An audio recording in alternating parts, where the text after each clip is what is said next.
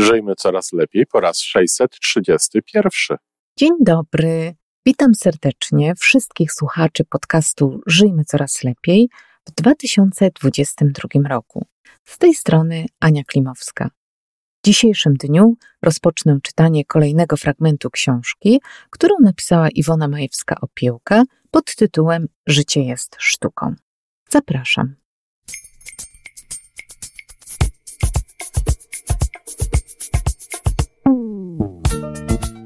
Witamy w kolejnym odcinku podcastu Żyjmy Coraz Lepiej. Podcastu z dobrymi intencjami i pozytywną energią, ale także z rzetelną wiedzą i olbrzymim doświadczeniem we wspieraniu rozwoju osobistego.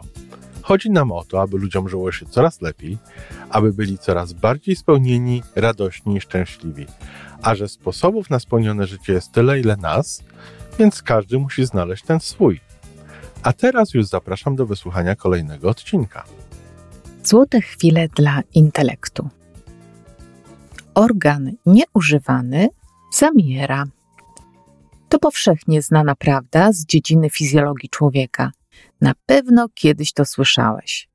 Jeśli z jakiegoś powodu mamy unieruchomione kończyny, tracą one masę mięśniową, elastyczność, a nawet zdolność do ruchu. Dopiero rehabilitacja przywraca je do normalnego życia. Jeśli chce się wzmocnić pracę jednego oka, zasłania się drugie. Nie inaczej jest też z naszym mózgiem. Przez lata sądzono, że wraz z wiekiem mózg ulega pewnemu rozpadowi, że trudniej jest zapamiętywać wszelkie informacje i uczyć się, że pamięć świeża i inne procesy poznawcze obniżają własny poziom działania. Być może działo się tak właśnie ze względu na styl życia większości starszych ludzi, którzy nie stymulowali swojego mózgu trudniejszymi zadaniami do wykonania, a żyjąc w przekonaniu, że starych drzew się nie przesadza, nie osiedlali się w nowych miejscach i nie podejmowali wcześniej nieznanych im aktywności. Rzeczywistość była znana i przewidywalna, a realia stosunkowo łatwe do intelektualnego radzenia sobie z nimi. Życie, które w zasadzie nie wymagało specjalnego wysiłku ze strony mózgu, a już na pewno nie zmuszało go do rozwoju, powodowało, że mózg się zwijał. Jeśli się nie rozwijamy, to się zwijamy, czyli pomału wycofujemy z życia. Zadziwia mnie jedynie to, że nie brano pod uwagę faktu, iż wiele starszych osób funkcjonowało wciąż znakomicie i po sześćdziesiątce czy siedemdziesiątce tworzyli dzieła swojego życia.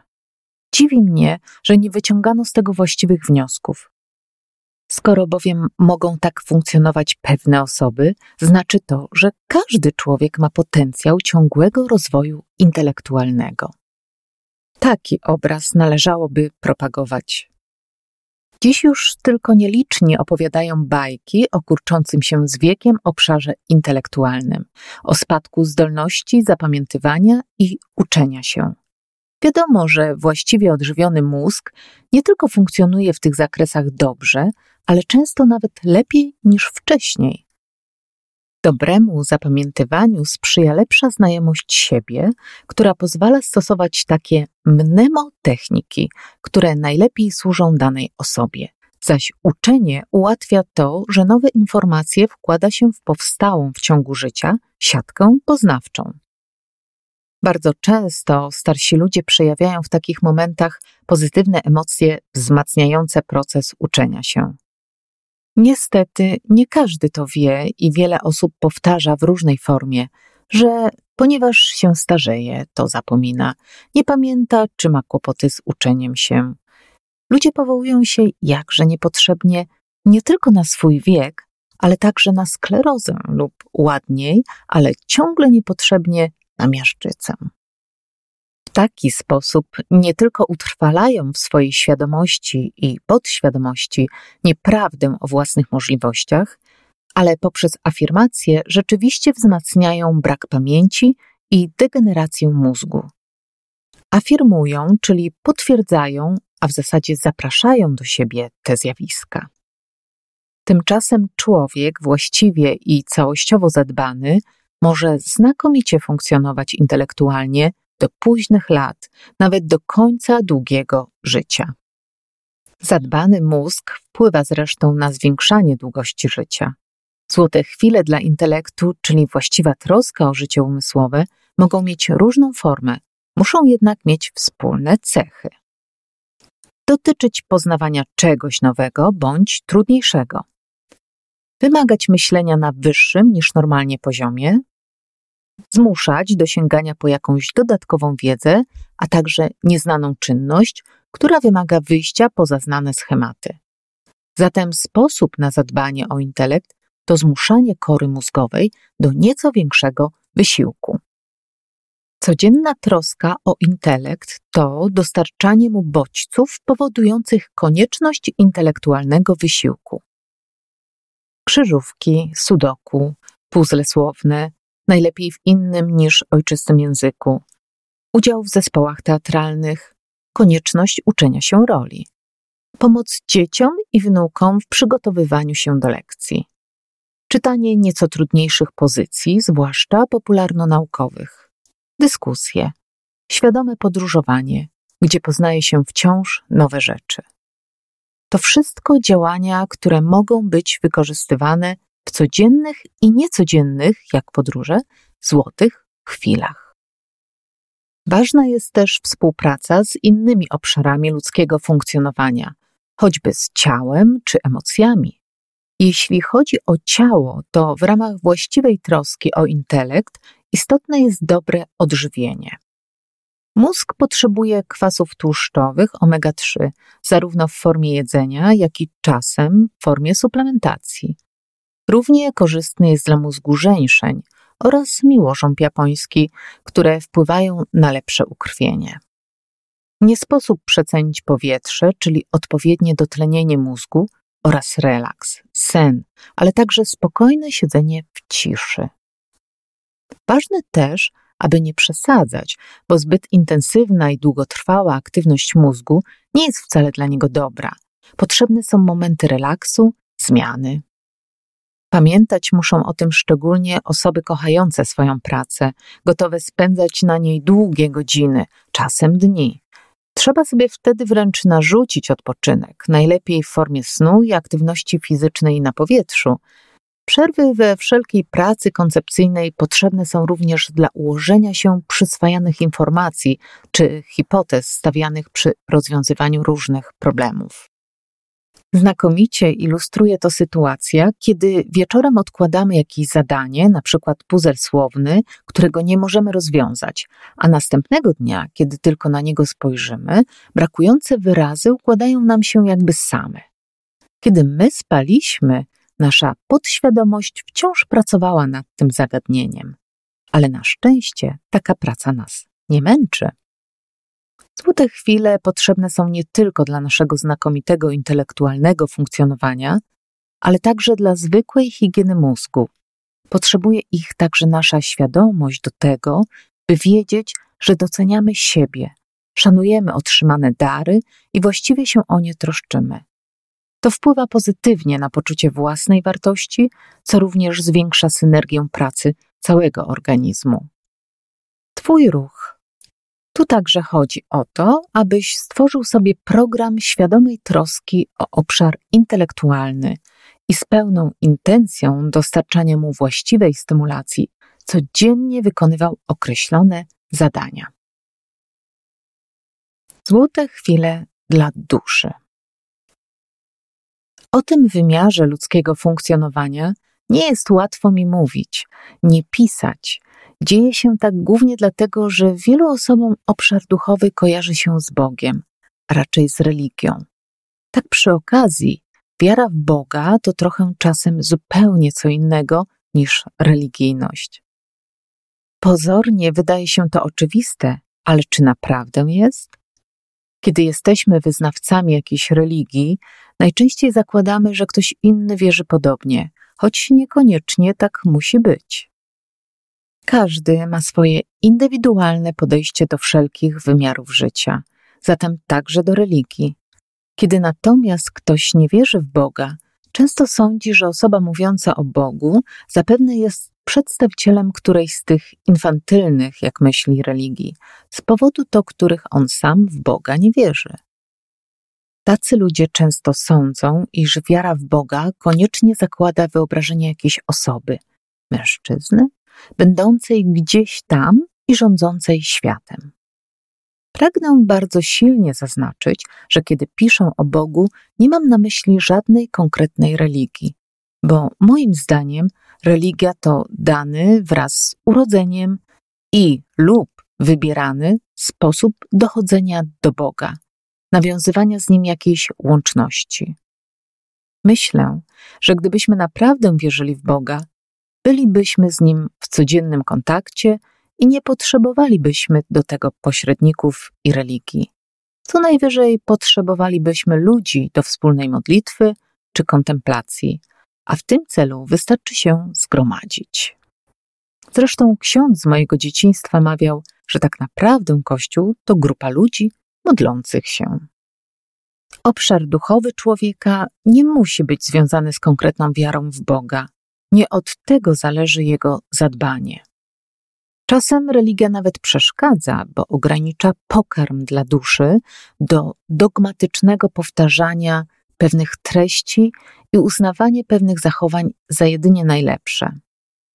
Dlatego jasno podkreślam, wizyta w kościele i udział we wszelkich nabożeństwach może być przeżyciem duchowym, ale nie jest nim a priori.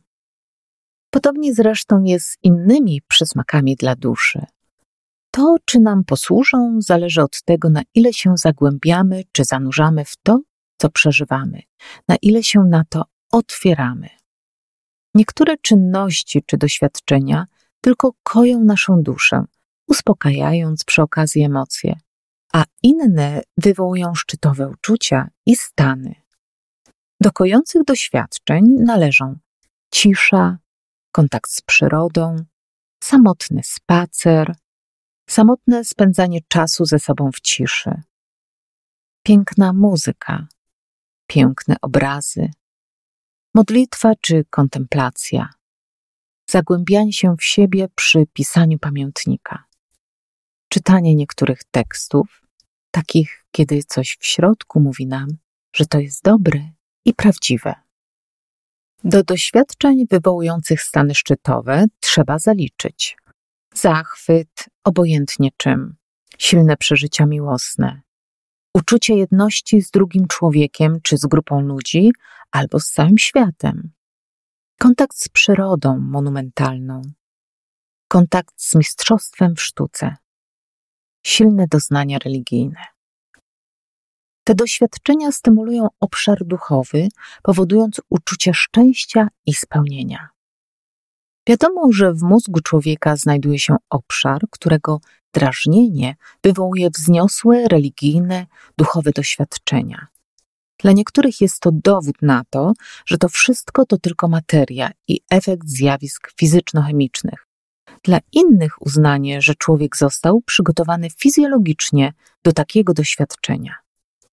Na pewno ludzie, którzy wierzą w Boga, niekoniecznie związani z jakąś religią, a zatem również w to, że jest w nich fragment boskości w postaci duszy, mają łatwiejszą drogę do stymulowania obszaru duchowego. Są jakby bardziej otwarci na pewien rodzaj doznań. Osoby niewierzące żyją w świecie materii i fizyki, tak jak ją się powszechnie rozumie. Są często nadmiernie aktywne, ciągle działają i robią kolejne rzeczy, realizują zadania i zdobywają cele bo wydaje im się, że tylko w taki sposób mogą osiągnąć stan zadowolenia. Ta aktywność powoduje, że nawet nie zauważają czasem, że czegoś im brakuje.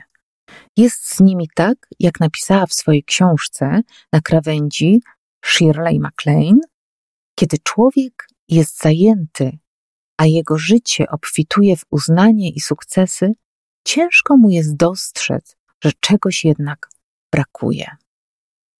A jeśli nie zajmuje się świadomie duszą, to z całą pewnością czegoś mu brakuje.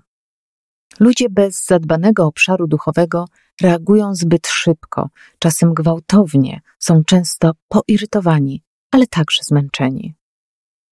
Zadbaną duchowo osobę można poznać po pogodnym, pełnym spokojnej pewności usposobieniu.